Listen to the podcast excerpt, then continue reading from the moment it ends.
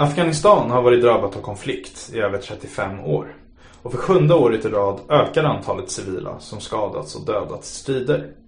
Massiva internationella insatser, både militära, politiska och biståndsmässiga, har påverkat landet på djupet. Denna närvaro har dock stegvis fasats ut och nu genomgår Afghanistan en period av ekonomisk, politisk och säkerhetsmässig omställning. 2014 genomförde landet sitt första demokratiska val. Men människor lämnar trots det landet på grund av bristande framtidstro. De beväpnade motståndsgrupperna är splittrade, men samtidigt mer framgångsrika än på många år. Därför ska ni nu få lyssna till Svenska Afghanistankommitténs generalsekreterare Anna-Karin Johansson. Det här samtalet spelades in den 21 mars 2016 och om ni vill se filmen från FUF-hotellen så hittar ni den på FUF Play. Då sätter vi igång. Det kommer säkert droppa in några sena men eh, så kan det vara. Eh, hej och välkomna allihopa till eh, FUF-fåtöljen. Eh, det är ett seminariekoncept som vi ideellt aktiva inom FUFs seminariegrupp ansvarar för. Upplägget ikväll kommer vara 45 minuter presentation och 45 minuter frågestund. Eh, vi livestreamar och mikrofonen kommer att användas för detta sen när eh, vi har frågestund. Eh, ikväll är en ära för mig att presentera Anna-Karin Johansson som är generalsekreterare för Svenska Afghanistankommittén. Eh, eh, som är med oss idag för att prata om Afghanistan och vad som händer nu och utveckling. Så ordet över till dig. Tack så jättemycket. Nu sitter jag här i en fåtölj och det är meningen. Det ska vara lite så avslappnat och trevligt. Jag hoppas det öppnar för mycket dialog och frågor. Men ni får säga till mig om det inte hörs. Eh, för det är lite, lite svårt att se nu när jag sitter här. Ehm, Jättetrevligt eh, att vara här eh, och få komma på den här fåtöljen. Och roligt att så många är här och är intresserade av Afghanistan, vilket jag hoppas att ni är. Ehm, Afghanistan som har varit i fokus eh, i världens blickfång under väldigt lång tid. Eh, men som nu börjar lite grann, eller ganska mycket, hamna utanför sökarljuset. Eh, och det är väl både positivt och negativt för ett land som Afghanistan skulle jag säga. Jag ska komma tillbaka till det lite grann. Så jag tänkte prata om Afghanistan som sagt men jag tänkte också lägga in det lite grann i en ram av sköra stater. Fragile States. Vi har ju fått de nya eh, Sustainable Development Goals som finns där på väggen ser jag. Ehm, och eh, bland dem så finns det ju en del nyheter. Bland annat ett mål som direkt relaterar till fred och säkerhet och till så att säga, stabila institutioner i ett land. Eh, och jag tycker det är väldigt, väldigt välkommet att det finns med nu som ett mål. Eh, och det är någonting som naturligtvis är väldigt, väldigt viktigt för länder som Afghanistan där just dessa två frågor, alltså stabila och bra institutioner och fred och säkerhet är A och O för att det här landet överhuvudtaget ska kunna komma någon annanstans än var det befinner sig idag. Eh, och så tror jag det är för ganska många andra länder också. Eh, och hur den här onda cirkeln som den här typen av länder befinner sig i Går den att bryta och hur i sådana fall? Men där får vi nog hjälpas åt och slå våra kloka huvuden samman för det är ju ingen som egentligen vet. I alla fall ingen som har ett klart recept. Det hela är lite intressant också för att eh, Ashraf Ghani som nu är president i Afghanistan eh, sen ett och ett halvt år tillbaka ungefär. Han har skrivit en, tycker jag, faktiskt väldigt intressant och bra bok om det här som heter Fixing Failed States. Han är expert på hur man ska hantera en svag stat. Han har massor med bra svar här i. Han har en väldigt bra analys och han är dessutom lite så att säga, optimistisk kring vad som är möjligt. Den har några år på nacken men den är relativt, eh, ska vi se här vilket år den gavs ut. Uh, ja, 2009 gavs senaste upplagan ut då. Um, han är också, har också, så att säga, det finns möjligheter. Men han själv står ju inför den situationen nu att han mycket väl vet teoretiskt vad som skulle behöva göras. Men i praktiken så lyckas han inte alls vända detta land. När jag var med på en lunch när han senast var här i Sverige eh, för några eh, månader sedan, eh, en lunch som utrikesministern anordnade, så sa han mycket tydligt att ja, vi har fram till april på oss att vända utvecklingen. Klarar vi inte det, då har den här regeringen tappat hela folkets förtroende. Delvis tror jag han faktiskt har rätt i det. Samtidigt så finns det ju inga andra val just nu i Afghanistan. Ehm, och det vi ser nu när det börjar närma sig april är att situationen är fortfarande väldigt, väldigt problematisk i Afghanistan. Först lite, lite grann om Svenska Afghanistankommittén. En organisation som har verkat i ungefär 35 år i Afghanistan. Ehm, Idag en av de största internationella organisationerna som verkar i landet. Vi är bara aktiva på landsbygden ehm, och eh, långt ute eh, så att säga, i periferin av det afghanska samhället skulle jag vilja säga. Och det har vi, den här organisationen, haft som sitt signemärke och fortfarande har det. Att, så att säga, flytta sin verksamhet när stat eller andra aktörer tar över och kan, kan så att säga, bära skolor, hälsovård eh, och andra saker närmare centrum, då flyttar vi oss längre ut i periferin till de som inte har till exempel utbildning. Och det vill vi fortsätta göra för det är ett sätt att, så att säga, knyta in eh, även de människorna som är de mest utsatta i Afghanistan, i de flesta länder. Knyta in dem så att säga, till de resurser som, de knappa resurser som finns, men det är ändå resurser som finns. De får ju del av väldigt, väldigt lite av det idag. Afghanistan är ett land där det finns en hel del resurser skulle jag säga. Eh, I Kabul ser man väldigt många oerhört tjusiga, eh, eh, tjusiga hus som växer upp som svampar ur jorden. De kallas för narkitecture, alltså det är narkotikapengar som placeras i de här pengarna, eller de här husen. Mycket flyttas till Dubai och utflödet av pengar är ju enormt i Afghanistan. Det har, skulle alla de pengar som har, som har så att säga, gått in i Afghanistan stannat där, då skulle det här vara ett betydligt rikare land idag. Det har försvunnit både i form av utflöde i biståndet i form av konsulter eller eh, inköp och sådana saker. De militära eh, så att säga, utgifterna har ju också gått tillbaka väldigt, väldigt mycket till, till, till så att säga, väst. Och sen har vi det som afghanerna själva har flyttat ut ur landet. Och det här är enorma penningströmmar om vi dessutom tar in det som kommer från den, den så att säga, informella sektorn eller den, den eh, svarta sektorn i form av narkotikaproduktion och så. Afghanistan är världens största opiumproducent idag. Och det är väldiga summor med pengar som rör sig eh, i, det, i den sektorn. Um, men SAK jobbar med utbildning. Eh, vi har 60 000 barn i våra skolor. Eh, vi har hälsovård och sjukvård ungefär jämförande som två svenska landsting.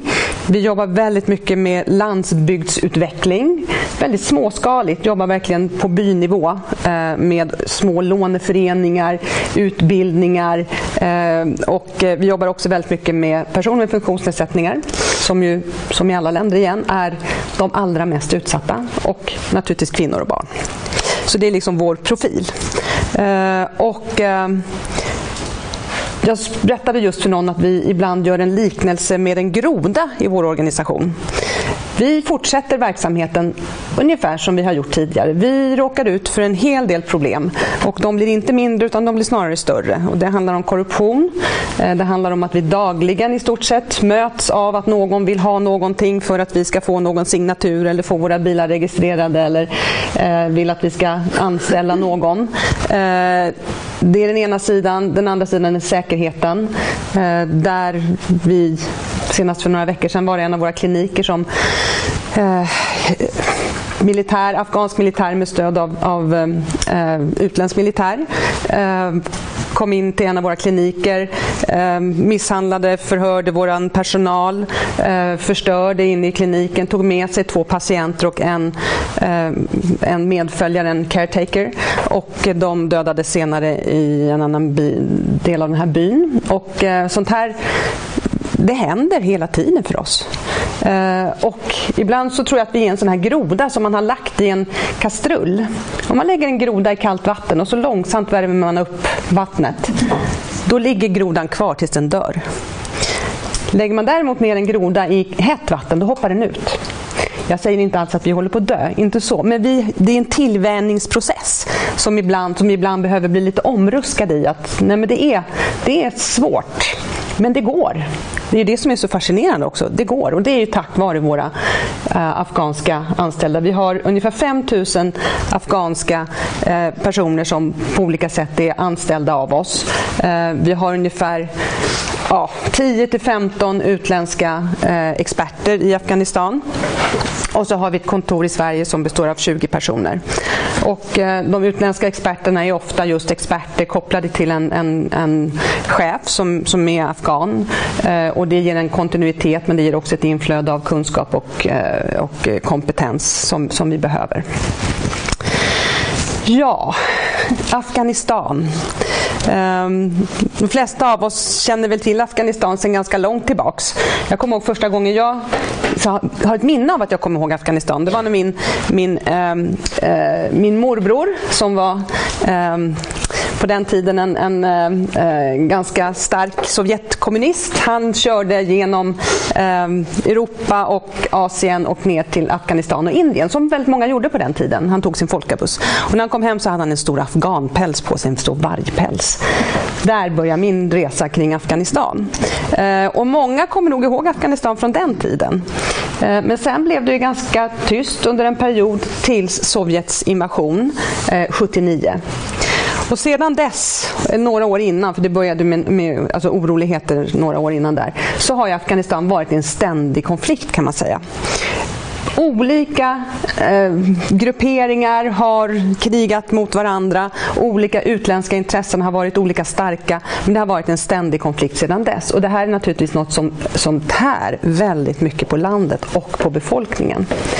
Man räknar med att ja, bortåt jag har hört siffror, det här är naturligtvis oerhört svårt att veta, men bortåt 60-70 procent av den afghanska befolkningen beräknas lida av något, någon typ av posttraumatiskt stresssyndrom eh, för att de har varit med om väldigt hemska saker. Och det gör naturligtvis att det blir en, en, en, vad ska jag säga, en spänning i landet. Det blir spänt mellan grupper. Det är sån, eh, en väldigt, väldigt stark kamp om de väldigt knappa resurser som finns. Eh, och det höjer på något sätt konfliktnivån. Eh, och det kan vi märka inom vår organisation också. Eh, att när det blir svårare i landet så blir så att säga behovet av att få tillhöra en grupp där man känner sig trygg blir starkare och starkare. Eh, och det är ju en väldigt farlig utveckling. Samtidigt tycker jag att afghanerna har en ganska stark identitet som just afghaner. Så där finns det en väldigt, väldigt motsättning. När man tittar på 2001, vad hände då? Jo, det var 9-11 och sen så definierades eh, av Bush, eller så här, Bush sa att om talibanerna inte lämnar ut al-Qaida eh, och Osama bin Laden så definierar vi er som terrorister. Och det gjorde inte eh, talibanerna. De sa att vi kan lämna ut det till ett, eh, till ett eh, muslimskt land, men vi kan inte lämna det direkt till USA och det accepterade inte USA. Så då blev talibanerna definierade som terrorister och man påbörjade liksom en terrorist, ett krig mot terrorismen i Afghanistan. Ehm, sedan dess så har ungefär 1000 miljarder US-dollar eh, använts till den militära insatsen i Afghanistan. 1000 miljarder US-dollar. Det är en enorm, enorm summa pengar. Samtidigt har ungefär 55 miljarder US-dollar eh, använts till bistånd och det är väldigt, väldigt mycket eh, för ett enda land. Eh, definitivt. Men samtidigt kan man ju tycka att den här balansen mellan de här två så att säga, pengapåsarna är väldigt ojämn. Jag skulle säga vad som också händer 2001 är ju att USA och andra länder på något sätt kräver att få ett väldigt stort inflytande i Afghanistan. Ehm, och att man också tror att man ska komma dit och fixa någonting. Ungefär som att nu, nu har vi ett blankt bord. Nu kommer väst och så att säga, se till att nu blir allting bra i Afghanistan. Och det är ju på något sätt att bortse från en enormt lång historia eh, av invasioner av olika stora makter som har gått igenom Afghanistan sällan varit särskilt intresserade av Afghanistan och det afghanska folket eh, eller människorna som bodde där utan man har velat ha det som handelsvägar eller som buffert eller någonting. Eh, men Afghanistan har befunnits där mellan stora makter runt omkring. Och idag är de makterna Kina, eh, Ryssland, vi har Iran och så har vi Pakistan och USA som, som så att säga, en nära allierad där. Eh, så att eh, Afghanistan finns där i mitten och har ganska ofta inte så himla mycket att säga till om sin egen, eh, vad som ska hända i det egna landet. Sen har de ett stort ansvar själva, eh, definitivt. Eh, och eh, det, ska, det, kommer jag tillbaka till senare också. Ja, om man tittar tillbaka på 2001, talibanerna. Ehm, man brukar prata om år noll i, i, i Kambodja. Här kan man också prata om nästan om någon slags år noll. En totalt icke-fungerande statsapparat, in, väldigt, väldigt lite utbildning, väldigt lite hälsovård, eh, i stort sett inget näringsliv. Eh, ett rättssystem som i och för sig byggde på så att säga, talibanernas världsbild, och den fanns. Eh, men, men ett icke-fungerande land till väldigt stora delar. Om man då ser vad har, vad har gått åt rätt håll sedan dess så skulle jag säga att det är en hel del. Dels så kan man se att, eh, att eh, media har utvecklats väldigt, väldigt starkt. Eh, och det finns idag en media i Afghanistan som av många bedöms som betydligt friare än i många av grannländerna. Sen ser vi på senare tid att för första gången skulle jag säga att talibanerna eh, har eh, börjat attackera media på ett mer medvetet sätt. Men jag skulle säga att idag är ett minst lika stort problem för media är att regeringens eller administrationens företrädare ehm, så att säga, attackerar dem och inte vill att de ska lyfta fram oegentligheter och liknande. När det gäller representation för, av kvinnor eh, och så att säga, något slags demokratiskt system så finns det på papper en ganska, det ser ganska bra ut, konstitutionen och en hel del lagar. Men efterlevnaden är väldigt dålig. Tittar vi på det sociala området så har ganska mycket utvecklats ganska bra. Om vi tittar på barn i skolan, man räknar med att det då var ungefär en miljon idag säger de som, eller ja, ministeriet säger 11 miljoner men de flesta bedömare säger typ 8 miljoner. Och det är klart att på 15 år bygga upp ett utbildningssystem som går från 1 miljon till 15 miljoner, det är en enorm utmaning. Det skulle vi inte klara. Um, och det har stora brister, men det är någonting som man i alla fall har jobbat med och kommit ganska långt med. Tittar på hälsovård, som flesta indikatorer eh, visar på en, en, en mycket klar förbättring. Um, och det, det, är naturligtvis någonting som stabiliserar i ett land. Att människor får sina mest grundläggande behov något sånär tillfredsställda. Eh, civila samhället har så att säga, vuxit fram eh, och tagit sig en röst. Ofta ganska starkt tillbakapressade och eh, med väldigt knappa resurser, men de finns där. Och, Ehm, det är en, en, av de krafter som jag kan känna väldigt stark hopp och optimism kring när jag, när jag har varit i Afghanistan och träffat dem. Jag är i Afghanistan ungefär, ja, det beror lite grann på säkerhetsläget, men försöker vara där ungefär tre, två, tre gånger per termin. Eh, och försöker då träffa eh, också personer från civila samhället och olika eh, regeringsföreträdare naturligtvis. Ehm, och jag brukar alltid säga det att jag är betydligt mer optimistisk när jag varit i Afghanistan än när jag varit här hemma. För när jag är där så känner jag ju den kraft och den, eh, så att säga, ehm, eh, den envetenhet som finns hos det afghanska folket. Ehm, det är klart att det vi håller på med nu och det vi ser nu, det är någonting som påverkar de människor som lever i Afghanistan väldigt starkt nu. Men Afghanistan har en otroligt lång historia av liknande händelser och det bär de ju med sig. Eh, om man tittar på Human Development Index så har det ökat med ungefär 40 procent under de första, eh, tror det var första 12 åren. Eh, eller kanske till 2014 då, som det mättes. Och det är ju, jag kommer ihåg att det är från en väldigt, väldigt låg nivå, men det är ändå en förbättring. Mänskliga rättigheter, ja det beror ju på vad man jämför med. Jag skulle säga att eh, i Afghanistan idag så det, rättssystemet fungerar inte och det får väldiga, väldiga komplikationer när det gäller också mänskliga rättigheter. Eh, men Afghanistan är ett land där trots allt MR-företrädare och eh, civila samhället kan verka. Eh, så att jämfört med 2001 så skulle jag säga att situationen är bättre idag. Betydligt bättre. Men det är fortfarande en svår situation för dem. Om man tittar på ehm, det som Eh, i de väldigt svåra områdena så skulle jag säga att konflikten naturligtvis, en eh, ökad konfliktnivå sedan 2001.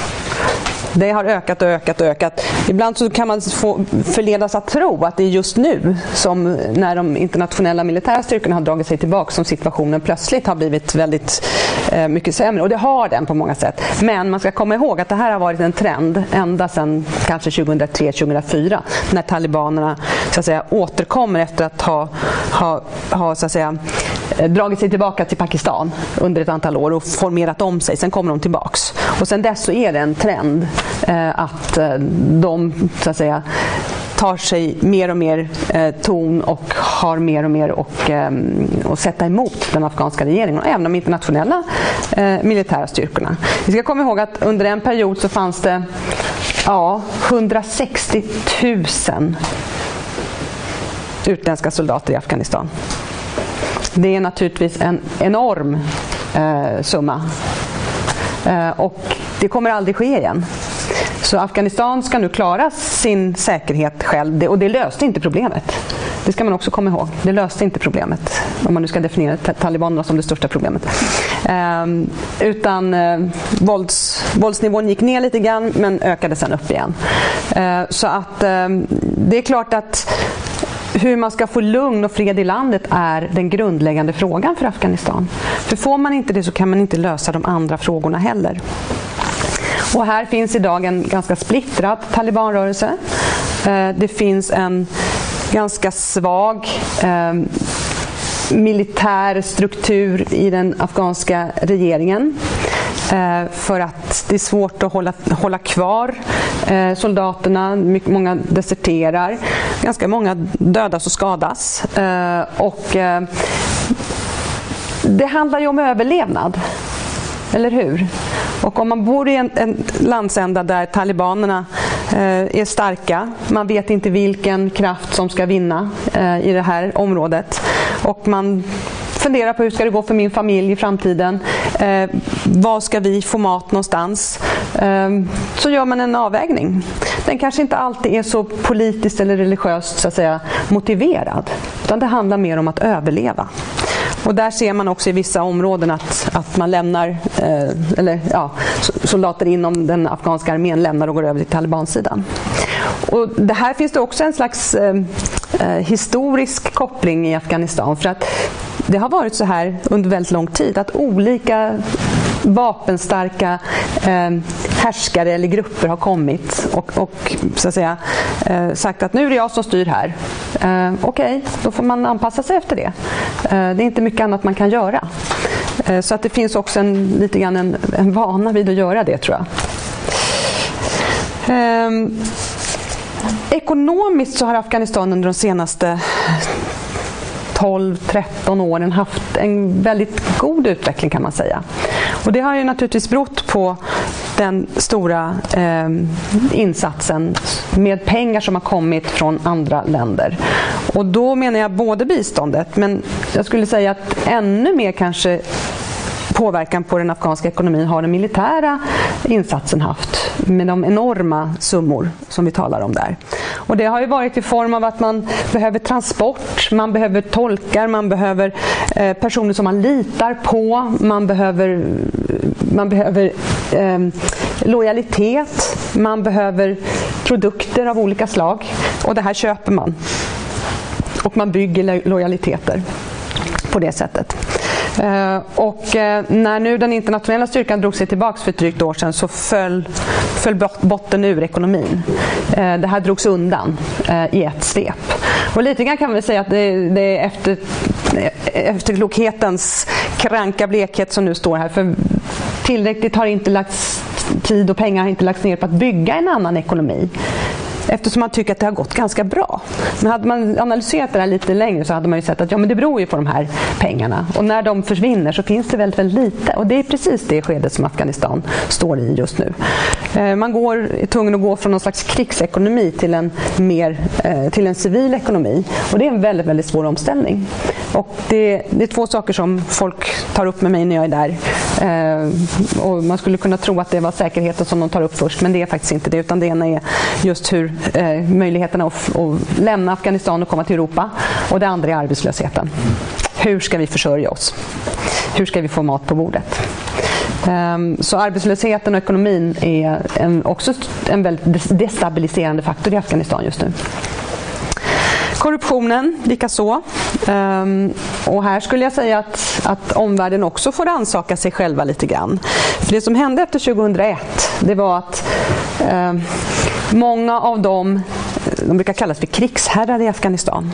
Men det är ju egentligen så att säga eh, makt, eh, maktpersoner inom olika grupperingar kopplade ofta till olika etniska grupper som har resurser, vapen och makt. Eh, och också har begått väldigt, begått väldigt grova brott eh, under de senaste 35 åren. De blev så att säga inlämnade i den nya maktstrukturen i Afghanistan. De bjöds in att vara med i det och har fortfarande idag eh, väldigt eh, betydelsefulla poster inom regeringen. Oavsett vilken regering det är så skulle jag säga att de kommer få det. Och det här handlar ju bland annat om att eh, en, ett område som man lämnade utanför de överenskommelser som, som gjordes mellan Afghanistan och västvärlden, det var ju just så att säga, hur gör vi upp med det förflutna? Hur gör vi upp med de här övergreppen? Det la man till sidan. Och det här skulle jag vilja påstå har påverkat hela rättssystemet i Afghanistan. För om några går fria, varför ska inte andra gå fria?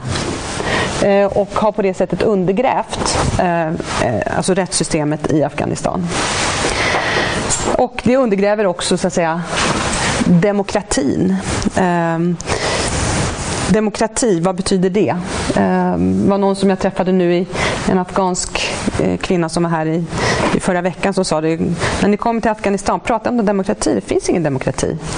Det är möjligt att vi pratar om demokrati men det är inte en demokrati. Det är grupperingar som med hjälp av sina pengar, sina vapen, sina kontakter behåller, eh, behåller makten.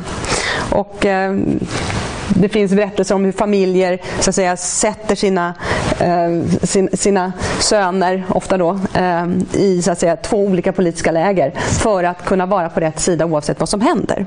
Och få del av de resurser som finns.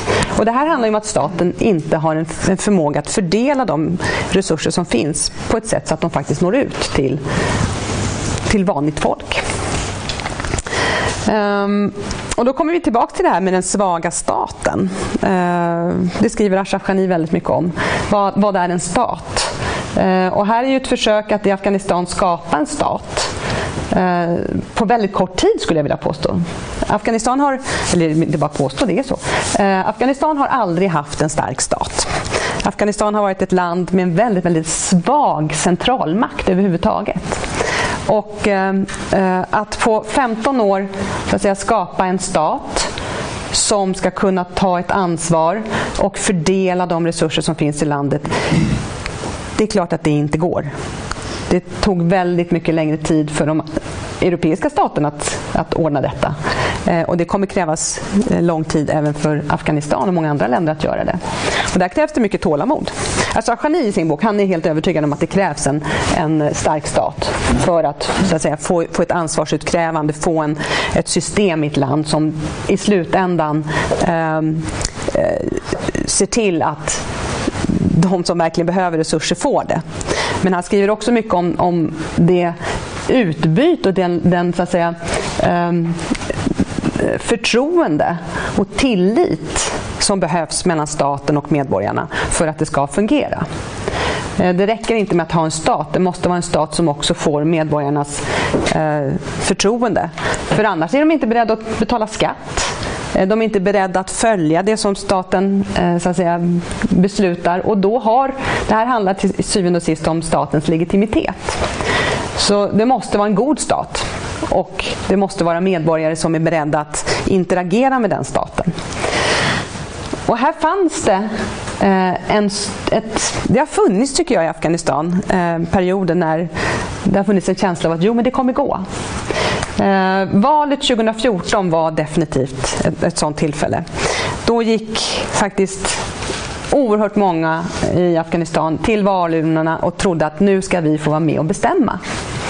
Valet till president 2014 hade föregåtts av en för Afghanistan lite ny politisk debatt. Allt var inte bara att man tillhörde de grupper som man traditionellt tillhörde. Utan det fanns en möjlighet, också delvis genom sociala medier, att föra en politisk diskurs som gick utanför det. Jag pratade med en av våra anställda och frågade honom om han var ute på Facebook och sådär och pratade politik. Ja, sa han, det är jag. För att hemma kan jag inte prata politik för jag kan inte säga emot de äldre männen i min familj. Men på Facebook där kan vi skapa vårt eget rum och prata med varandra. Och det gör vi. Och det var en sån här, ett sånt här litet, litet känsla av att det finns någonting som är lite nytt. Ashraf Ghani eh, presenterade också ett politiskt program eh, som så att säga Ehm, nu framstår som, som så att säga, väl optimistiskt och lite naivt. Men ändå, han gjorde det och kan därför på något sätt ställas till, till, till så att säga, ansvar för vad han sa då. Eh, vilket kommer ligga honom till, i fatet naturligtvis. Men ändå, det är ett steg framåt att man kan göra det. Eh, och då fanns det en känsla i landet av att ja, men vi, ska nog, vi, vi kommer någon vart. Vi, vi, kan göra det här. Vi kan genomföra ett val Eh, där män och kvinnor går ut, går till valurnorna trots eh, säkerhetsläget. Talibanerna sa att vi kommer inte attackera eh, vallokalerna. Eh, det, gjorde, det, gjorde, de lokalt på vissa ställen men det fanns ändå liksom någon slags överenskommelse att det skulle vara lugnt för de förstod att människor ville gå och rösta. Och talibanerna är ju inte dummare än att de förstår att de behöver ha folks förtroende, precis som vilken sån rörelse som helst. Och därför så valde de att inte eh, så att säga, attackera eh, vallokalerna i det läget. Så det var väldigt många som röstade. Man kände att man hade en liten, liten eh, möjlighet att välja själv. Eh, många kvinnor gick och röstade. Och sen blev det ett röstkaos som inte var av denna värld. Och man fick en regering som består av de två kombatanterna. kombatanterna alltså eh, de två personer som var kvar i sista omgången i presidentvalet. Och eh, vem som faktiskt fick majoritet av rösterna, det, det, skulle jag vilja säga var osagt. Det är ingen som vet.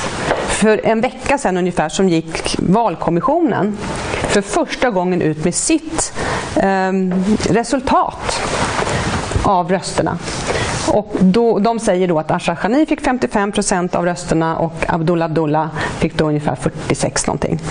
Um, Abdullah Abdullah säger det där var löjligt, det var så mycket fusk så att det gäller inte. Och oavsett vilket så, de här två gick då in i en enighetsregering, Unity Government. Vilket innebär att de ska komma överens. Eh, vilket naturligtvis för dem är jätte, jättesvårt. De har väldigt starka grupper bakom sig som, eh, som så att säga, trycker på dem för att de ska få del av resurserna. Så att eh, den nuvarande regeringen har visat sig väldigt långsam och alltså de har svårt att fatta beslut. Eh, jag tror att Ashashani har en plan. Eh, han vet vad han vill. Eh, han är inte korrupt som person. Jag tror han förstår vad som behöver göras men han har stora svagheter kring att samarbeta.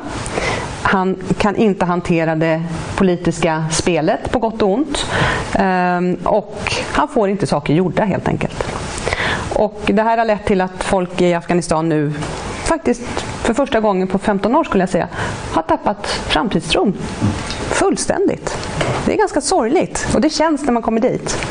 Eh, I somras gjordes det en undersökning eh, som visade att eh, tilltron till landets utveckling plötsligt har fallit dramatiskt på ett år. Tillbaks till en nivå som fanns för, när man började mäta det här för 10-11 år sedan. Eh, och det är också väldigt oroande för det är en väldigt destabiliserande faktor. Och en av anledningarna tror jag till att, tror jag, till att vi ser många afghanska eh, eh personer som söker asyl eh, i Europa och i Sverige. Man, man, förstår inte hur det här ska kunna ordna upp sig helt enkelt. Um, ja, då ska vi se här. Jag tänkte prata om Afghanistan lite grann just i, i så att säga, skenet av att vara en, en skör stat också. Ehm, det är ju så här att eh, när man utvärderade millenniemålen så ser man ju att ganska många stater gör faktiskt ganska stora framsteg Eh, utifrån de mål som man satte upp. Men det finns en, en grupp med stater som, som halkar väldigt mycket efter. De kallar man ju för, för så att säga, sköra stater. Det finns ingen entydig definition på sköra stater men det är ju de som är väldigt fattiga, väldigt svaga stater och ofta har ny, är i eller ny, nyligen har varit i konflikter. Och, eh, eh de här staterna har en risk att återigen ramla in i konflikter. Eh, det här, I de staterna så ser man att fattigdomen faktiskt ökar.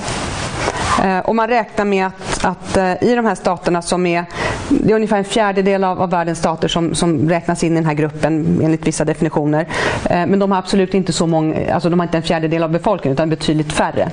Men man räknar med att ungefär um, um, uh, nu ska vi se här. De har ungefär 1,2 miljarder invånare. Eh, och 70 procent av dem har varit i konflikt sedan 1989.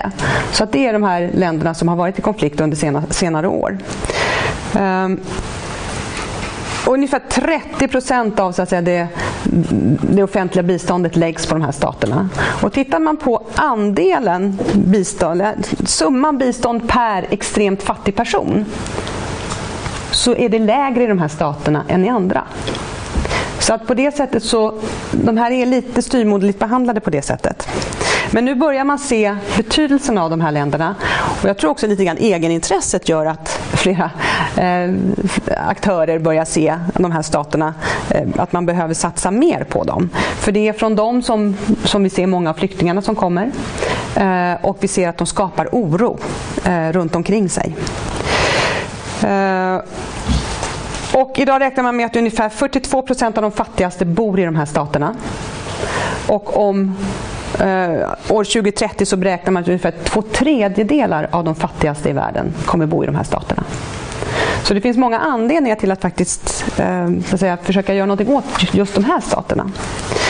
Och det är i det skenet som jag tycker det är väldigt, väldigt bra och viktigt att vi har mål 16 nu eh, som ett av de här Sustainable Development Goals som pratar just om institutioner och fred eftersom det är två av de komponenter som är oerhört viktiga för att de här staterna, de här länderna och människorna i de här länderna ska få en mer stabil tillvaro och kunna bygga någonting utifrån en mer stabil tillvaro. tillvaro. Eh, och då kan man fråga sig varför var inte det här med förra gången? För det här måste ju vara en grundläggande, det vet vi ju. Både fred, säkerhet och en, en stat som är, så att säga, um, har ett förtroende. Det är, ju, det är ju självklara saker för att, för att vi ska få utveckling i ett land. Uh, men det här har varit så politiskt känsligt Ehm, säkerhet är otroligt politiskt känsligt eh, och det har krävts mycket kraft för att få in det här i, i Sustainable Development Goals. Och även så att säga, eh, institutionella, alltså hur ska, hur, ska, hur ska det politiska systemet fungera i en stat? Det är också naturligtvis väldigt känsligt. Och man kan konstatera att i beskrivningen av det här målet så finns inte ordet demokrati med. Eh, vilket jag tycker är intressant. Eh, och jag sa förut att eh, jag träffade någon som sa att kom inte till Afghanistan och prata om demokrati. Eh, för det har en dålig klang i Afghanistan. Jag skulle säga att mänskliga rättigheter är samma sak egentligen. Jag skulle säga att i Afghanistan har även gender en sån klang. För det här är så att säga koncept som man har kommit och tryckt på afghanerna. Inte för att de inte tycker att kvinnor ska få möjligheter. Utan att gender som sådant eh, har blivit nästan som ett, ett politiskt vapen. Jag hörde faktiskt en militär här om veckan som sa att gender är ett, är så att säga ett vapen även för, har varit ett vapen även för militären i Afghanistan. Om man inkluderar kvinnorna i, eh, har kvinnliga militärer på den svenska sidan eh, så kan man nå de kvinnliga eh, kvinnorna på landsbygden i Afghanistan och komma in i de dolda rummen som de sa och få ny information och så, så att, eh, jag kan förstå att det finns en del i Afghanistan som är lite så här, ja, varför vill de det där? Men de här tre koncepten som är väldigt, väldigt viktiga för så att säga, det sätt vi pratar om utveckling demokrati, mänskliga rättigheter och gender är på något sätt lite besmittade. Eh, och hur ska man göra då? Då får man ju prata om det på ett annat sätt. För det vi vill åt, det vill säga att, in, att in, inkludera alla grupper och även de svaga grupperna. Att det ska finnas en, en, en, ett system där människor får vara med och bestämma om sitt land.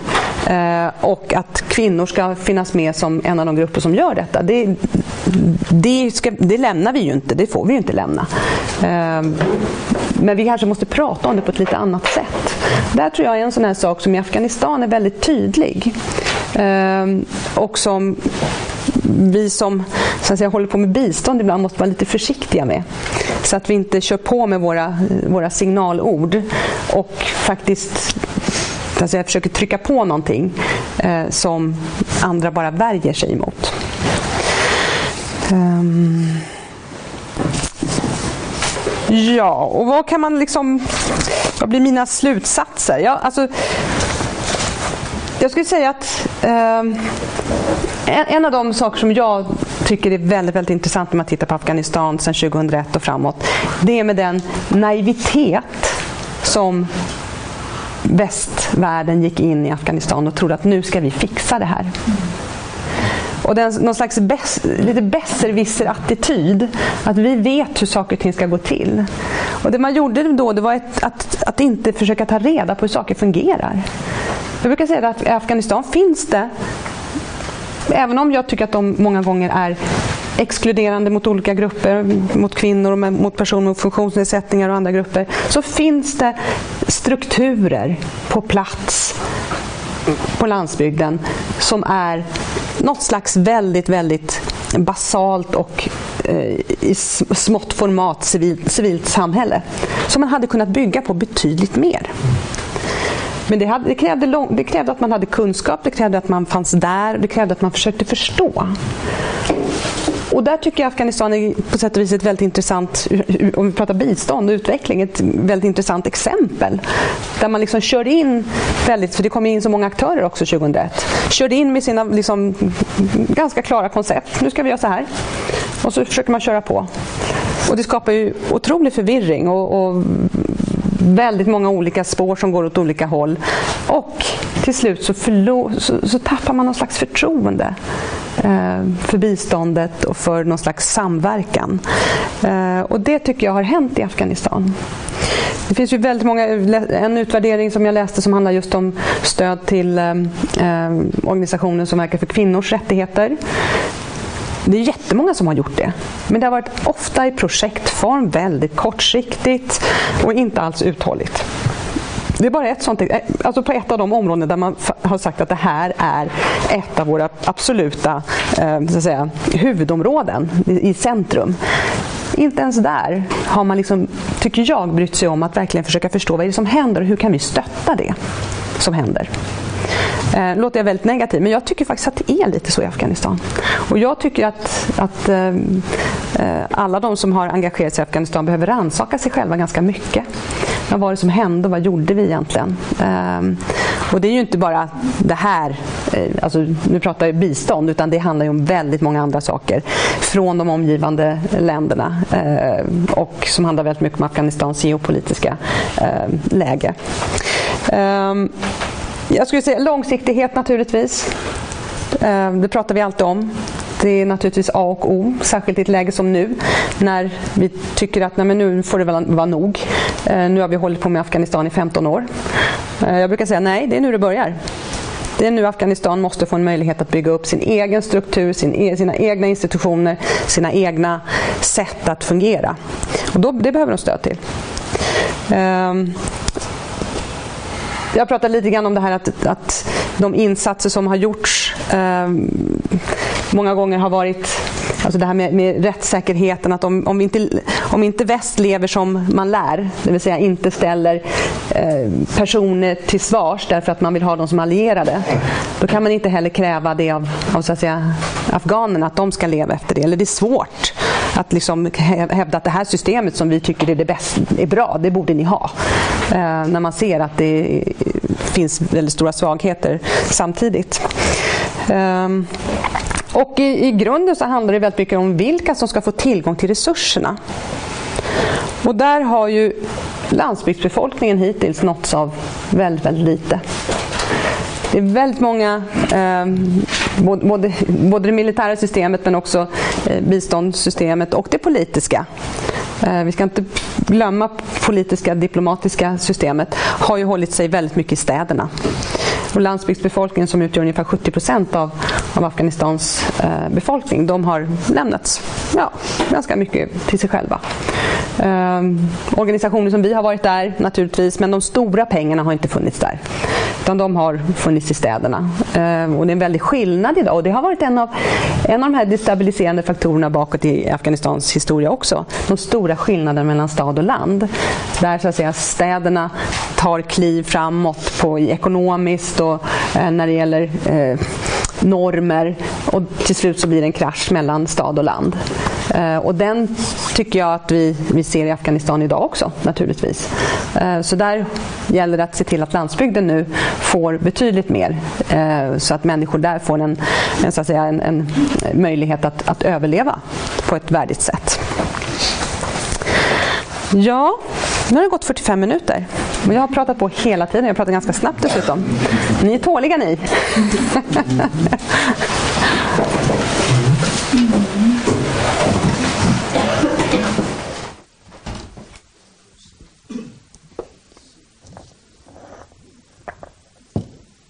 Sådär, jag skulle bara öppna upp så att vi får lite luft. Så kan jag andas lite här inne. Så, tack snälla. Väldigt informativt. Hoppas att ni också tyckte det. Eh, hoppas att ni har många frågor att ställa också. Och tankar att dela med er av. Någon som känner för att börja? Ja. Du i micken där. Eh, du var inne några gånger på civilsamhället. Eh, eftersom du har avfärdat ganska mycket annat utav det som händer i städerna och eh, statsapparaten och så vidare. Kanske det är någonting som är hoppfullt. Kan du prata lite mer om det? Eh, Afghanistankommittén har ju varit och är unik i så att säga, svenska biståndsorganisationer därför att man har koncentrerat sig på ett land men man har också konsekvent hållit sig till landsbygden, man har hållit sig till ett fåtal områden. Eh, vad finns det för motsvarigheter som du känner till i Afghanistan? Minskar eller ökar aktiviteterna utav civilsamhället. Det finns ju också sedan länge ganska välutvecklat afghanskt civilsamhälle som inte bygger helt och hållet på, på utländskt stöd. Eh, ja, du får ta frågan som du vill. Men, men är, är, det, är det där hoppet ska ligga? Är det där man kan så att säga, skapa en, en struktur som statsapparaten sen kan bygga på istället för tvärtom? Alltså, om, man, om man tittar på, det finns ju olika typer av civilt samhälle. Um, det, det, finns många aspekter av det här som är väldigt intressant. Um, det finns jag skulle säga att, att det, det, som, det, har vuxit fram ett, ett civilt samhälle i städerna under de här 15 åren ungefär. Eh, som eh, eh på många sätt eh, idag spelar en ganska en viktig roll i Afghanistan. Eh, de, de har formerat sig, de vet hur de ska agera. Det finns en del oerhört kraftfulla personer eh, och väldigt skickliga och enormt kunniga personer inom det civila samhället som, som jag tycker gör ett fantastiskt arbete verkligen. Eh, det visade sig bland annat under det här valet 2014 där, där det fanns organisationer som skickade ut liksom tiotusentals observatörer till olika ställen i landet Eh, som sen rapporterade in genom det här ganska välutbyggda eh, mobiltelefonnätet vad som hände och sådär. Och de skrev rapporter efteråt och sådär. Ehm, och ehm, ehm, det är en viktig kraft i landet. Eh, vi har haft några stora demonstrationer under senaste året. Eh, dels när den här kvinnan Farkunda mördades och dels när vi hade mordet på en grupp Hazara som hade tagits till fånga av, av IS. Stora demonstrationer i Kabul. Um, och båda gångerna var det ganska, alltså det, det var inte så att det var bara en grupp som deltog. Utan det var en blandning av grupper och det är ett väldigt, väldigt uh, positivt tecken tycker jag. Eh, så, och här har civila samhället varit, varit aktiva i att vara med och organisera och finnas där. Så att jag, jag, jag tycker det finns mycket kraft i, i det i civila samhället i Afghanistan på den nivån. Eh, sen finns det naturligtvis ett, ett, annat civilt samhälle som är, som är väldigt knutet till olika maktgrupperingar och liksom finns där av den anledningen. Sen finns det på, eh, på lokal nivå finns det också ett väldigt intressant civilt samhälle i Afghanistan. Alltså byråd, shuras. Eh, och det finns ofta ett råd som, som, som så att säga, tar ett visst ansvar för skolan. Det finns ett råd som tar ett visst ansvar för, för, för sjukvården. Eh, det finns ett som tar ett ansvar för vattnet. Eh, alltså det, det finns en struktur där som det handlar om att, tycker jag, att, att stötta och att bygga på. Ehm, och det försöker vi jobba med. Det är fruktansvärt svaga små organisationer. Ehm, de kan ju inte ens läsa. Så det, det, är verkligen vara där och bara liksom ge dem lite, eh, lite, lite pengar, lite stöd, lite prat, lite sådär. Så får de utvecklas utifrån det. Det går inte att komma med några stora liksom, matriser och, och liksom fylla i och, och följa och sådär som vi brukar göra med civila samhället när vi jobbar med det i biståndet. Ehm, utan det är på ett helt annat sätt. Eh, sen finns det en, en, ett lager som är på by, det här är på bynivå, men det finns ett annat mer officiellt lager som är på bynivå som faktiskt Asha Ghani införde som heter Community Development Councils. Eh, som är en vald församling och vi jobbar väldigt mycket med sådana, vi har kontrakt för att jobba med sådana eh, med afghanska staten. En vald församling som eh, har ett ansvar för att driva utvecklingsprojekt på bynivå. Och byarna är liksom, det är inte som i våra svenska byar att det är liksom fem hus och sen är det skog. Utan det, är, det, är liksom, det kan vara tusen familjer i en by, så det är ju små samhällen. Eh, och de här eh, Community Development Councils har, har, fått en mer viktigare och viktigare eh, roll skulle jag säga. Och de har också blivit kunnigare och kunnigare. Eh, vi ser en, en stark utveckling av de som vi jobbar med. För Dels så, så, får de ju viss utbildning, både i så att säga, mänskliga rättigheter, i gender, men det kan också vara hur, hur, skriver man en projektansökan och sen så ska de ta hand om små, små projekt. Det kan vara en, eh, en hus som ska byggas eller en, en, en liten powerplant som ska, som ska konstrueras eller någonting sånt. Och det här har skapat ganska mycket liksom, eh, kompetens på den nivån. Nu eh, vill man göra om det här i Afghanistan och vi vet inte riktigt vart det tar vägen. Så att nu håller man på att strukturera om det. De här Community Development Councils, de ska eventuellt få en lite annan roll eh, och vara lite grann som våra ja, stadsdelsnämnder kanske man kan jämföra med. Eh, på ganska, väldigt, väldigt så att säga, eh, ja, ute på landsbygden. Eh, och vi vet inte riktigt. De har liksom en, en, en roll av att vara lite i ett civilt samhälle och lite, lite eh, administration, statlig administration. Och vilken väg de tar kommer bli väldigt intressant att se. Eh, för det kommer också påverka ganska mycket tror jag, hur, vad som händer i Afghanistan. Så det är två andra så att säga, typer av eh, strukturer som finns i Afghanistan som finns där och som går, absolut går att bygga vidare på. Eh, och jag tror ju att, att det är där man måste jobba mycket, mycket mer än vad man har gjort. Betydligt mycket mer. Det är dit man måste se till att resurser kommer. Samtidigt som man måste se till att, att, att, så att säga, det finns en inkludering. Att de svaga i samhället får vara med där. För det är klart att de här också kan utvecklas och idag redan är makt, till maktfaktorer eh, som så att säga berikar sig. Så att det, det är ett eh, intrikat spel att få de här att, att fungera på ett bra sätt. Sen finns det väl, är ni intresserade av civila samhället? Det finns en annan vän. Nej. Okej, då får du sluta lyssna nu.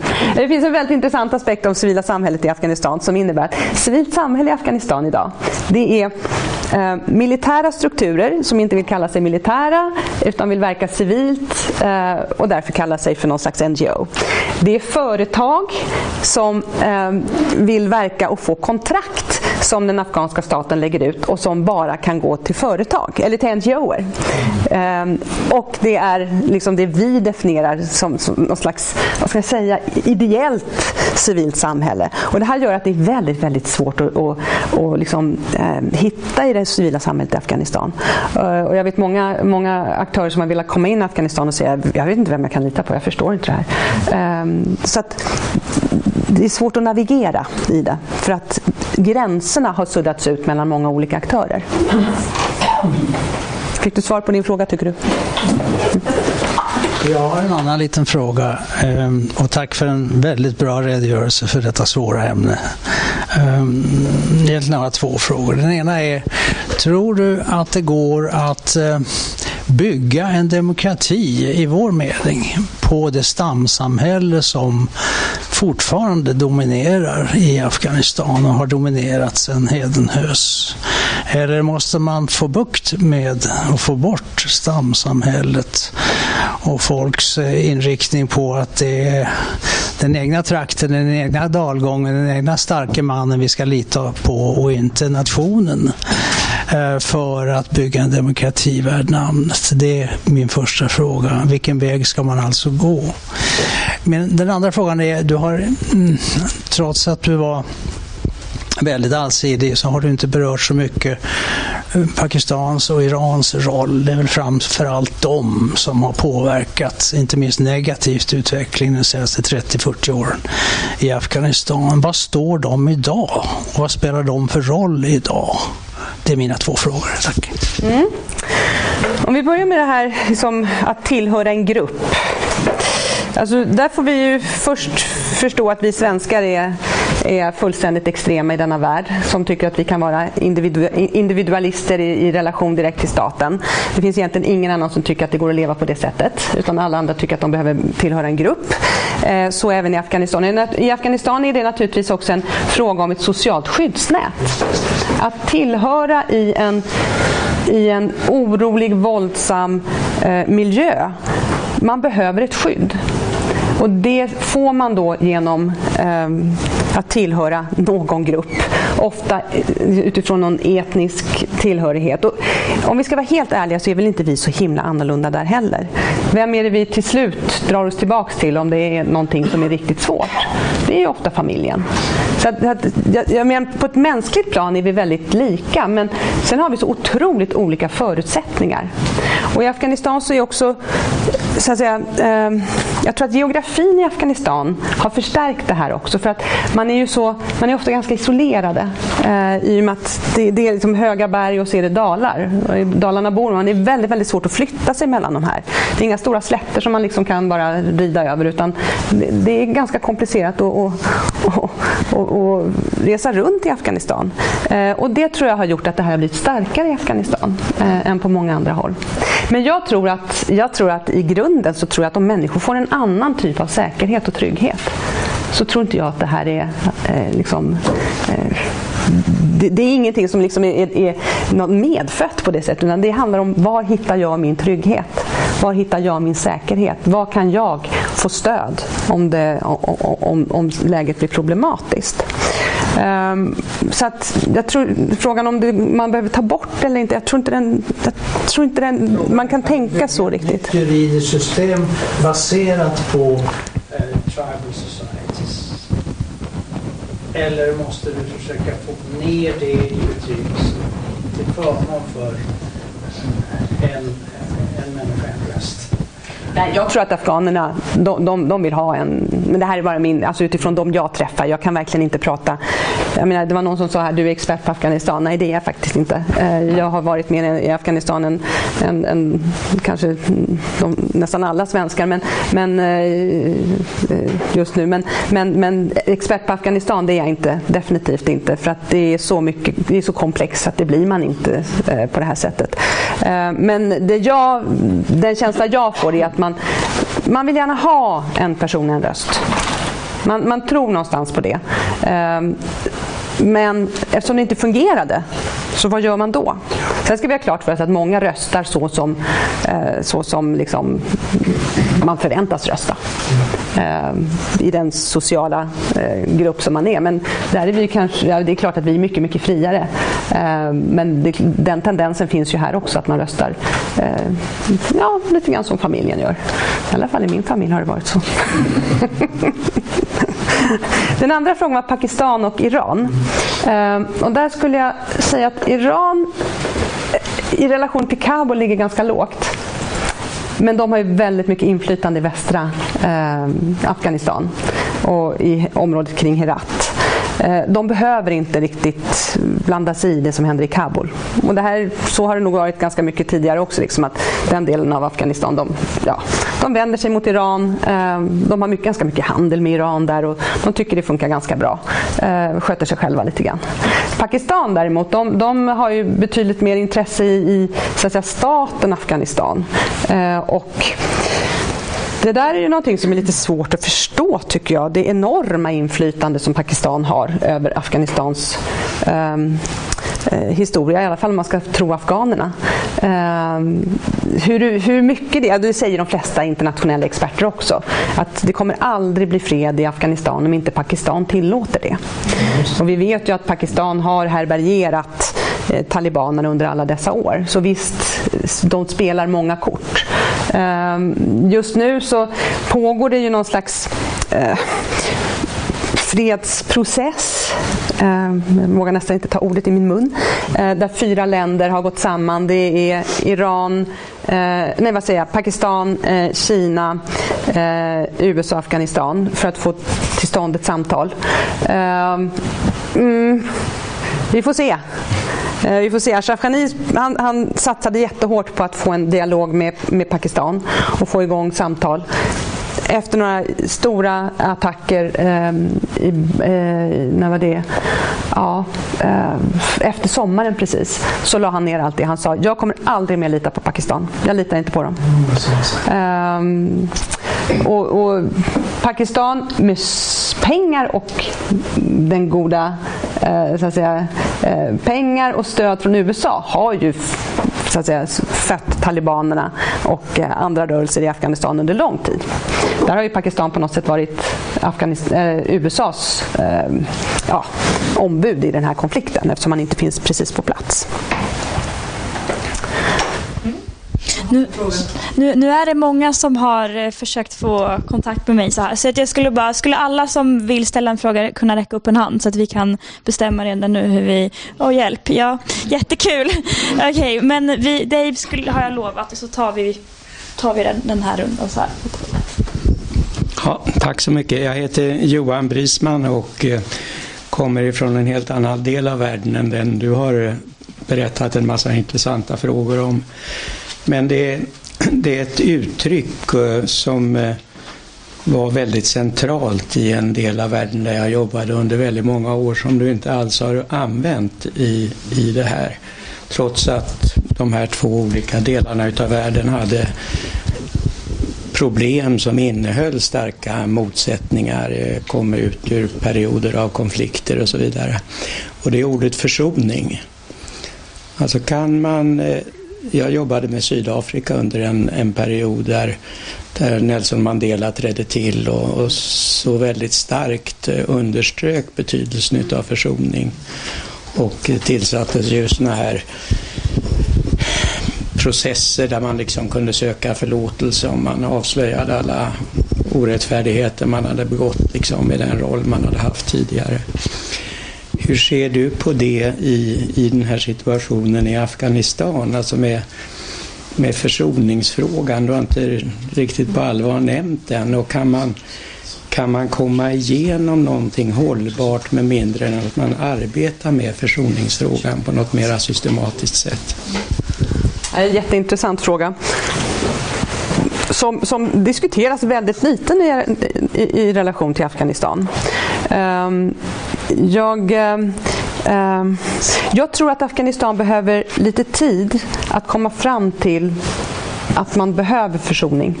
För att man är fortfarande i ett krig. Mm. Uh, så att man, man, man, är inte där mentalt, man är mitt inne i konflikten. Uh, och det tror jag gör att försoning pratar man inte om. Jag tror också att det går tillbaka till att, att Ehm, just de här enormt fruktansvärda övergrepp som begicks, som på något sätt har tryckts undan eh, och fortfarande trycks undan. Eh, det finns ett antal rapporter, som, en, en rapport som eh, en institution, Human Rights, Independent Human Rights Commission i Afghanistan har tagit fram, som ligger på bordet, men den får inte publiceras som går igenom ett antal av de här övergreppen och väldigt svåra brotten som har begåtts. Och det här trycks, un, trycks undan på ett sätt som gör att det kan bli, det, man vågar inte ens prata om försoning för då måste allt det här komma upp. Men det gjorde ju Sydafrika. Jag vet. Man lyfte fram det. Ja, jag, håll, jag tror på din linje. men men, men man, det, jag försöker bara förklara varför det inte finns med riktigt i bilden i Afghanistan ännu. Eh, men jag hoppas att man kommer dit Men jag tror någon behöver kliva fram och säga att detta krävs. Mm. Eh, för man är fortfarande liksom i konflikten. Eh, och inte i att hur hittar vi en försonande väg. Tyvärr. Jo, jag tänkte fråga, hur jobbar ni med eh, intersektionalitet och eh, inkludering när ni jobbar med just Afghanistan? Och, ja. Mm. Ja, eh, alltså vi, vi har eh, vi jobbar ganska mycket med det. Eh, det. Jag skulle säga att det är något som vi, som vi vill ska genomsyra all vår verksamhet. Eh, sen är det en utmaning i Afghanistan eh, och särskilt när det gäller kvinnor. Mm.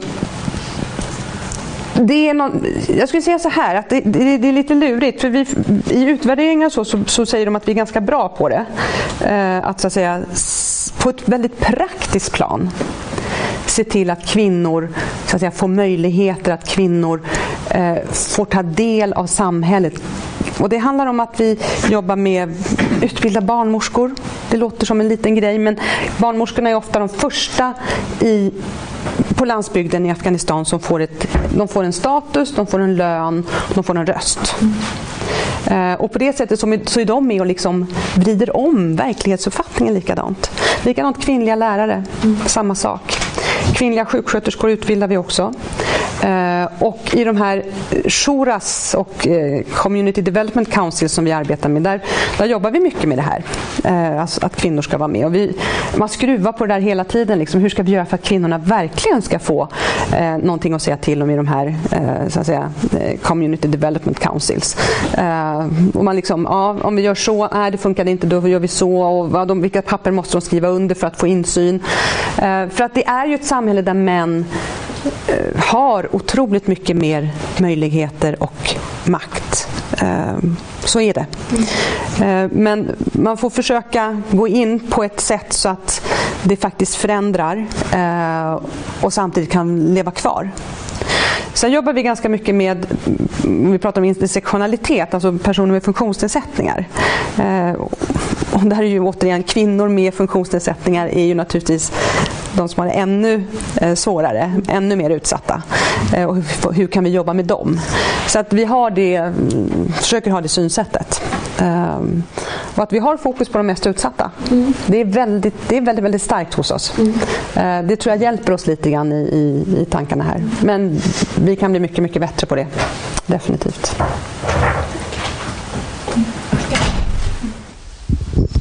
Hej, jag heter Niklas och jag har en fråga som relaterar till hållbarhet. Um, Afghanistan är idag Sveriges största biståndsland med nästan en miljard kronor både bistånds eller eh, långsiktigt eh, utvecklingsbistånd men även humanitärt. Och eh, där kom ju även Svenska Afghanistankommittén in som eh, väldigt stor mottagare av detta bistånd.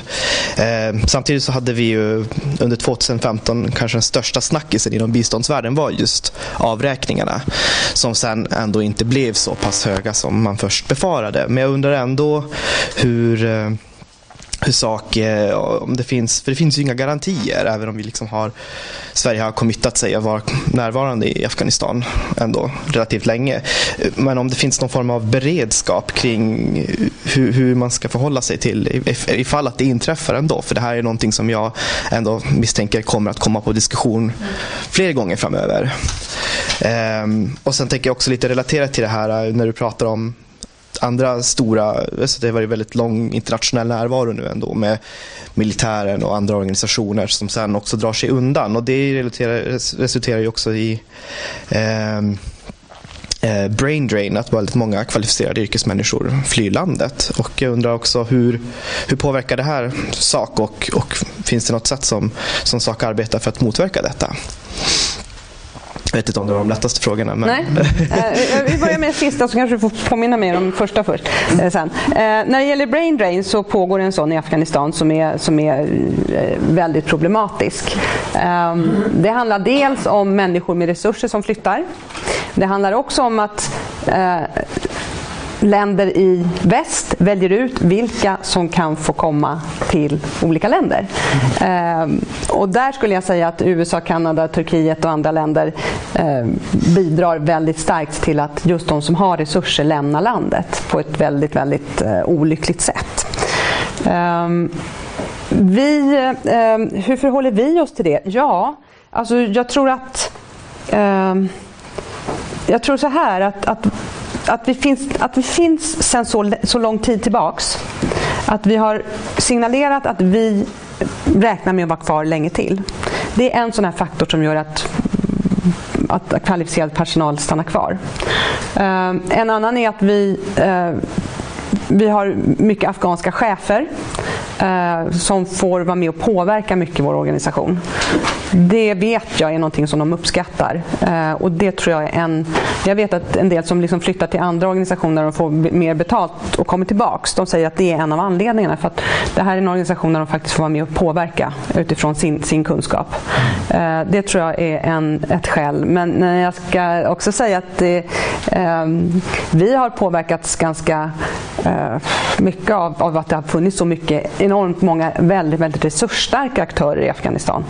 Som, eh, vi har inte kunnat konkurrera lönemässigt överhuvudtaget. Men vi har, en, en, har haft en, en, eh, lojal grupp som har hjälpt oss igenom det och nu ser ju arbetsmarknaden väldigt annorlunda ut. Eh, man kan säga så här också, brain drain, ja. Samtidigt har vi nu en grupp med, med människor, eh, unga människor som har gått igenom skolsystemet.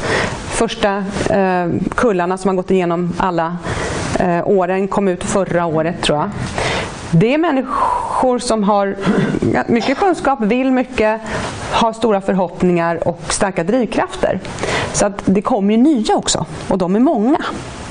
Eh, men där gäller det för oss att, att, att ta hand om dem och ge dem extra eh, kunskap och liksom, eh, ja, så att de kan växa inom vår organisation också.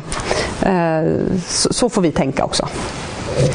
Din första fråga, förlåt du får upprepa den. Ja, det var beredskap. Ja. Eventuella nedskärningar framöver. Ja, nej men alltså det, det är klart att det, det, är en fråga som vi ställer oss och där vi är idag vi har en budget på 280 miljoner eh, per år och 170 kommer från Sida. Och det skulle jag säga är eh, för stor andel. Och det försöker vi hitta så att säga, vägar att, att väga upp med andra givare också. Ehm, men, men just i det här läget är det ganska svårt eftersom så många andra eh, givare drar sig tillbaks Eh, och deras budgetar minskar. Eh, men vi försöker jobba på många fronter, och, och alltså den egna insamlingen, um, olika stiftelser. Vi har idag ungefär 15 givare och eh, vi jobbar också med att bygga upp vår, vår uh, inre fond. Men um, det är klart att om Sverige skulle dra ner väldigt kraftfullt på sitt bistånd till Afghanistan så skulle det kunna få, få effekter på oss och i förlängningen våra, våra målgrupper. Nu är ju inte vårt, vårt mål är ju inte att vara kvar per se. Eh, men det är klart att det här som jag beskrev förut, att kunna flytta ut längre och längre. Det, det skulle på något sätt eh, minska. För det vi gör är ju att vi startar en skola där vi ser att det finns ett behov och där det finns så att säga, möjligheter att driva en.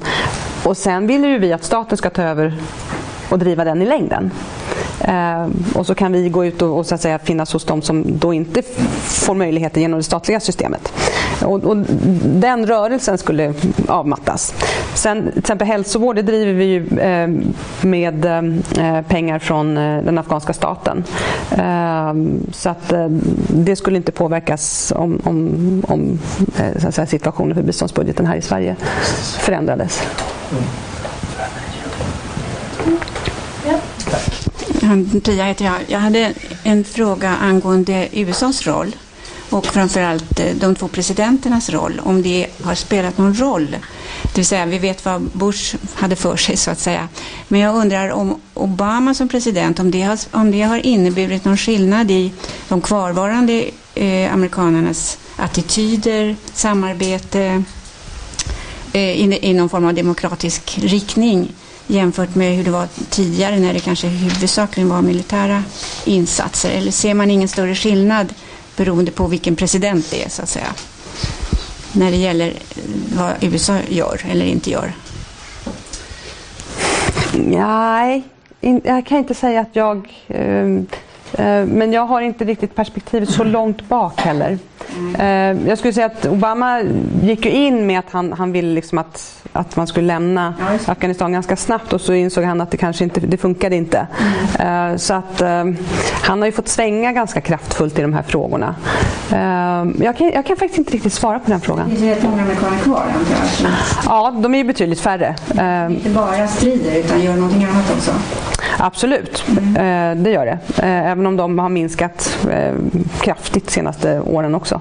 Mm. men, men, ehm, du pratade tidigare om besserwisser-attityd och den, den sorten. Som, ja. Undrar man om den attityden på något sätt har ändrat sig genom att en Nej, det tror jag inte. President. Det tror jag inte. Nej.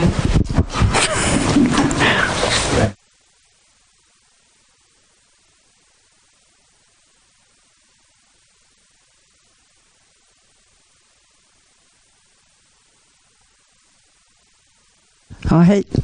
Jag heter Anna Sandkull. Jag jobbar på Gärdeskolan eh, som lärare för nyanlända. Jag har nio stycken pojkar från Afghanistan som kommer två och två varje onsdag i princip. Men nu har vi sagt stopp. Vi har ganska fullt i vår, i vår lilla klass. Vi har andra elever också. De här pojkarna är för det mesta hazarer, eller hur? Eh, de har ju en dålig ställning i sitt hemland. Men jag är alltid lite fundersam. Eh, några kommer från stan men de flesta kommer ifrån byar. Och då har väl alltså byarna eller familjerna hjälpt till att betala smugglare så att de kan komma hela vägen hit.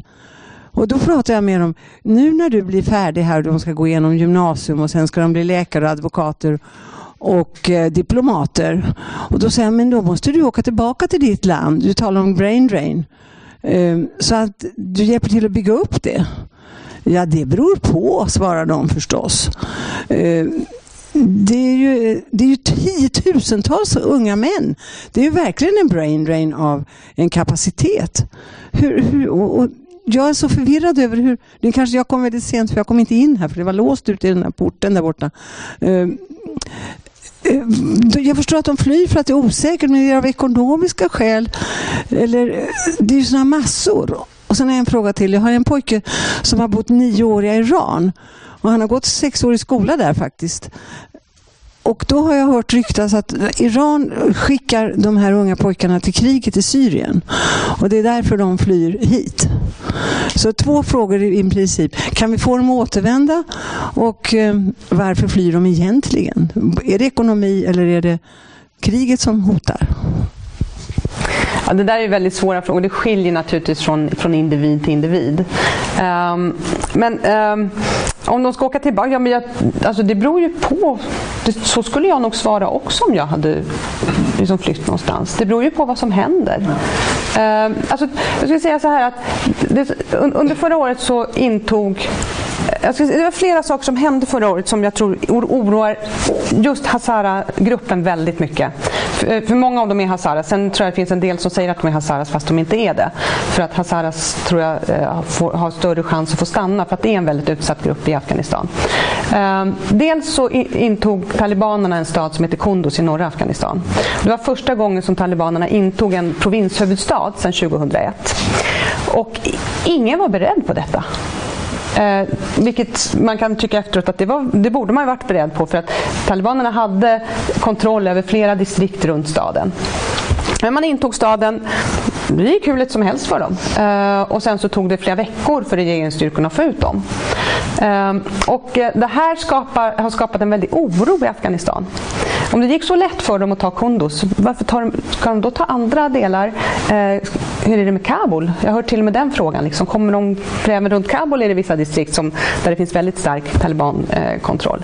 Eh, och då är det ju vissa grupper och det är ju Hazaras. Det är de som har så att säga, anammat en lite mer, västerländsk eh, västerländsk, jag ska inte säga så, men lite grann mer, mer modern. Eller, nej, jag tycker inte heller om det. Eh, som har, kvinnorna jobbar, eh, mycket ehm, eh, alltså västerländsk utbildning.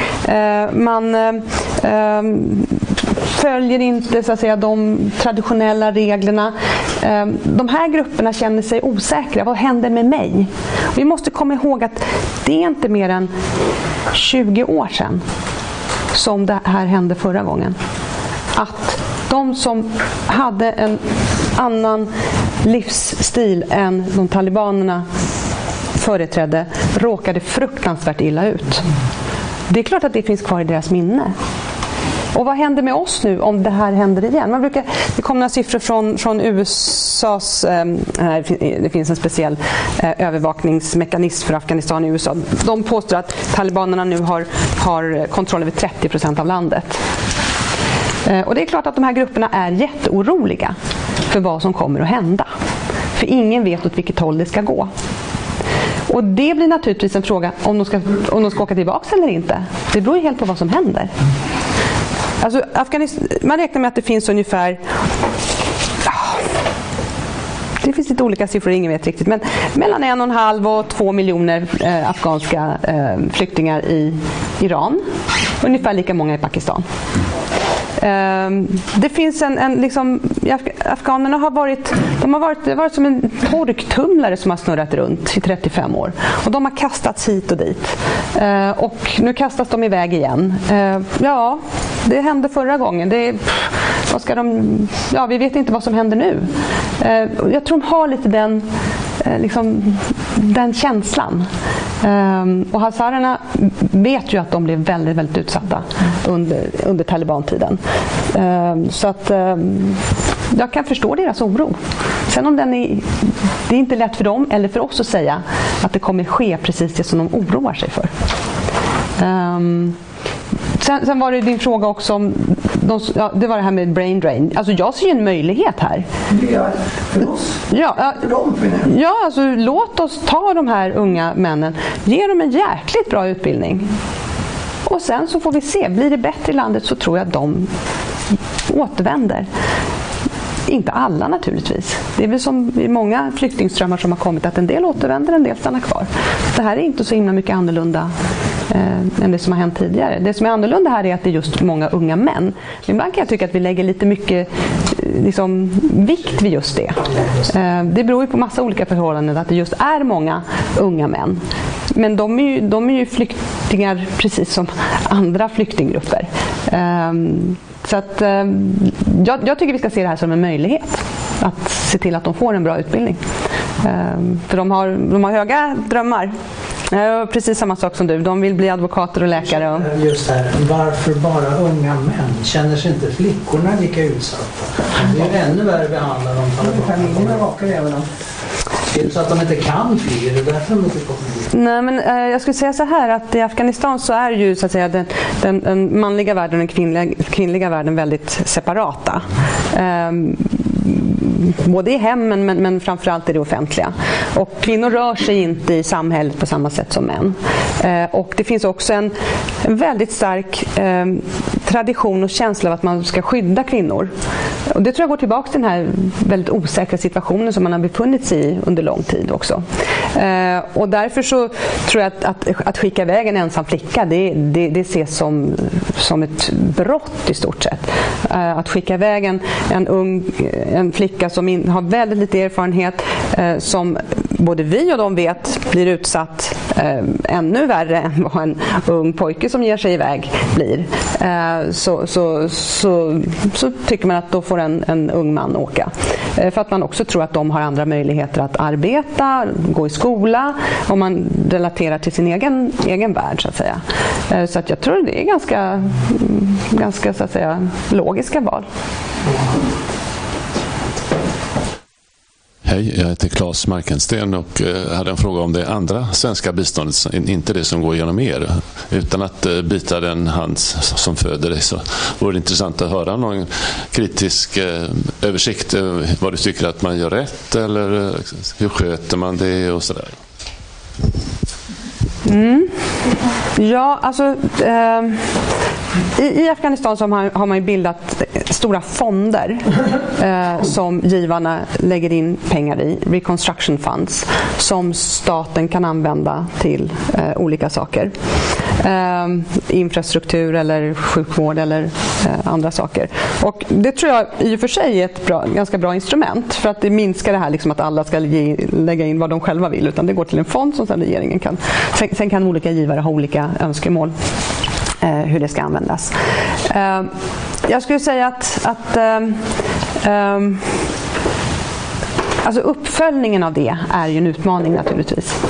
Och det gäller ju också det biståndet som går via FN.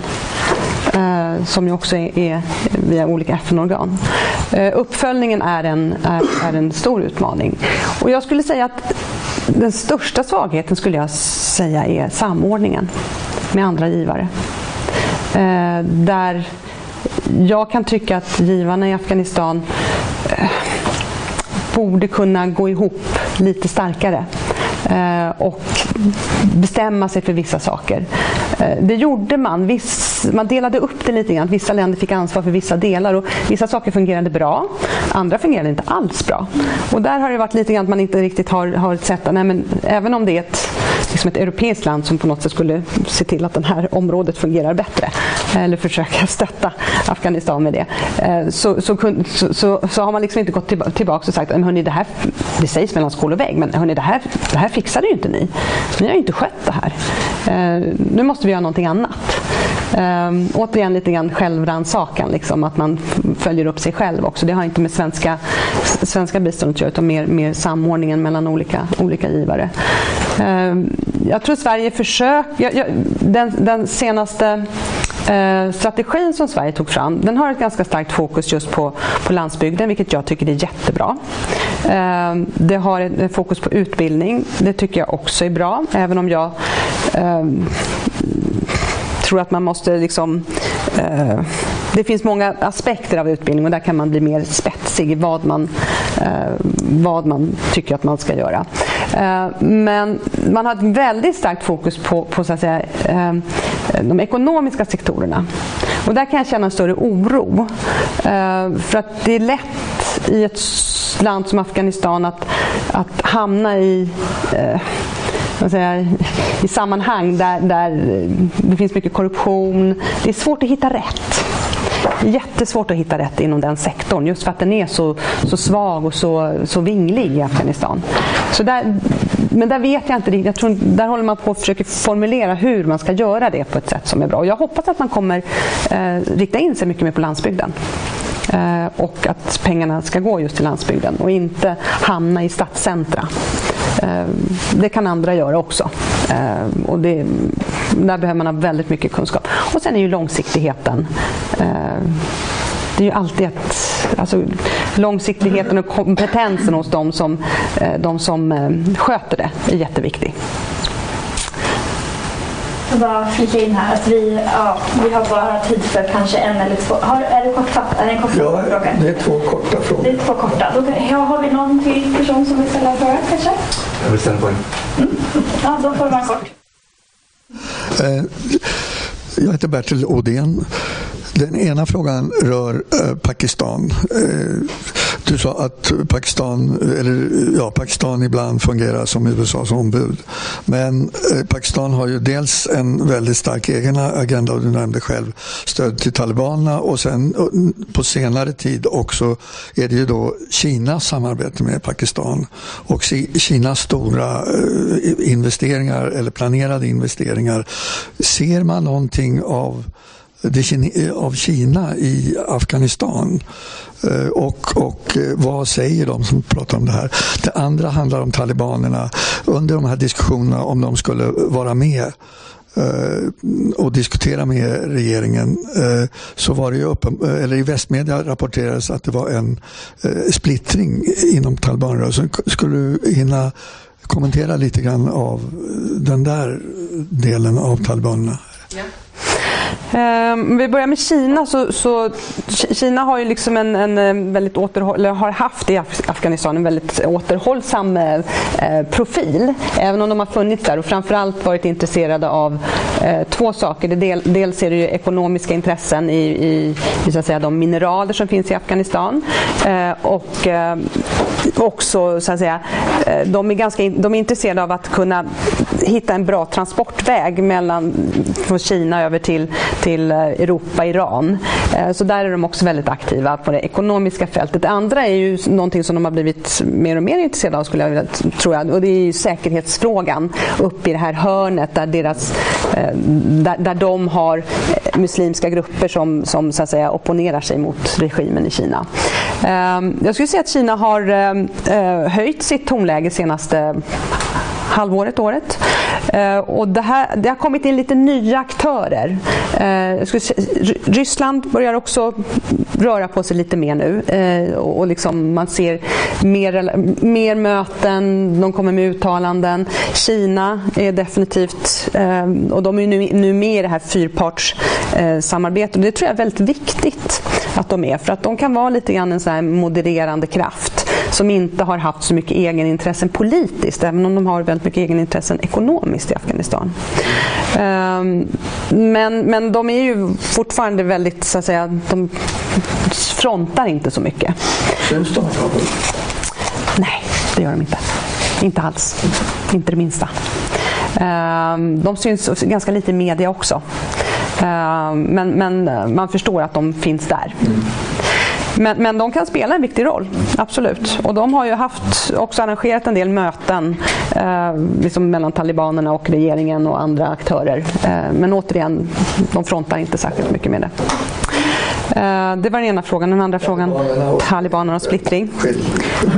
Ja, jo, det var ju så här att eh, i eh, för några månader sedan, augusti var det väl, så blev det klart att den tidigare talibanledaren sedan många, många, många år, Mullah Omar, eh, som har varit en väldigt stark sammanhållande kraft inom talibanrörelsen. Han var död och han hade varit död eh, i två år. Så man hade så att säga eh, haft andra som, som så att säga, talade i hans namn under väldigt lång tid. Eh, och då, då har det funnits en, en, en, annan person som heter Mullah Mansour som har varit andre man i talibanrörelsen under lång tid. Och väldigt snabbt så, så gick han in och fick så att säga, tog, fick ledarrollen i talibanrörelsen. Eh, det där gick lite väl snabbt för en del eh, så att det började knaka mellan olika grupper. Eh, en del av dem har nu så att säga enats igen men det finns andra grupper som så att säga, säger nej men vi, vi, vi är inte med under det här paraplyet längre. Eh, och det där rör på sig hela tiden. Så det är ganska svårt att veta eh, vilka grupper som kommer utkristallisera sig. Men vad som är tydligt är att det är fler som opponerar sig idag än vad det var för ett år sedan. Eh, för då var det en väldigt, väldig enighet. Sen har vi också haft andra eh, grupperingar som har kommit från talibanrörelsen och troligtvis varit, varit sådana som inte har fått så mycket gehör för sin linje. Som har eh, sagt sig vara IS. Eh, även om de, IS själva säger inte, säger, säger, inte officiellt att de har verksamhet i, i Afghanistan.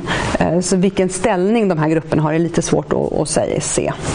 Eh, men, men eh, exakt hur det här till slut kom, för det händer saker hela tiden.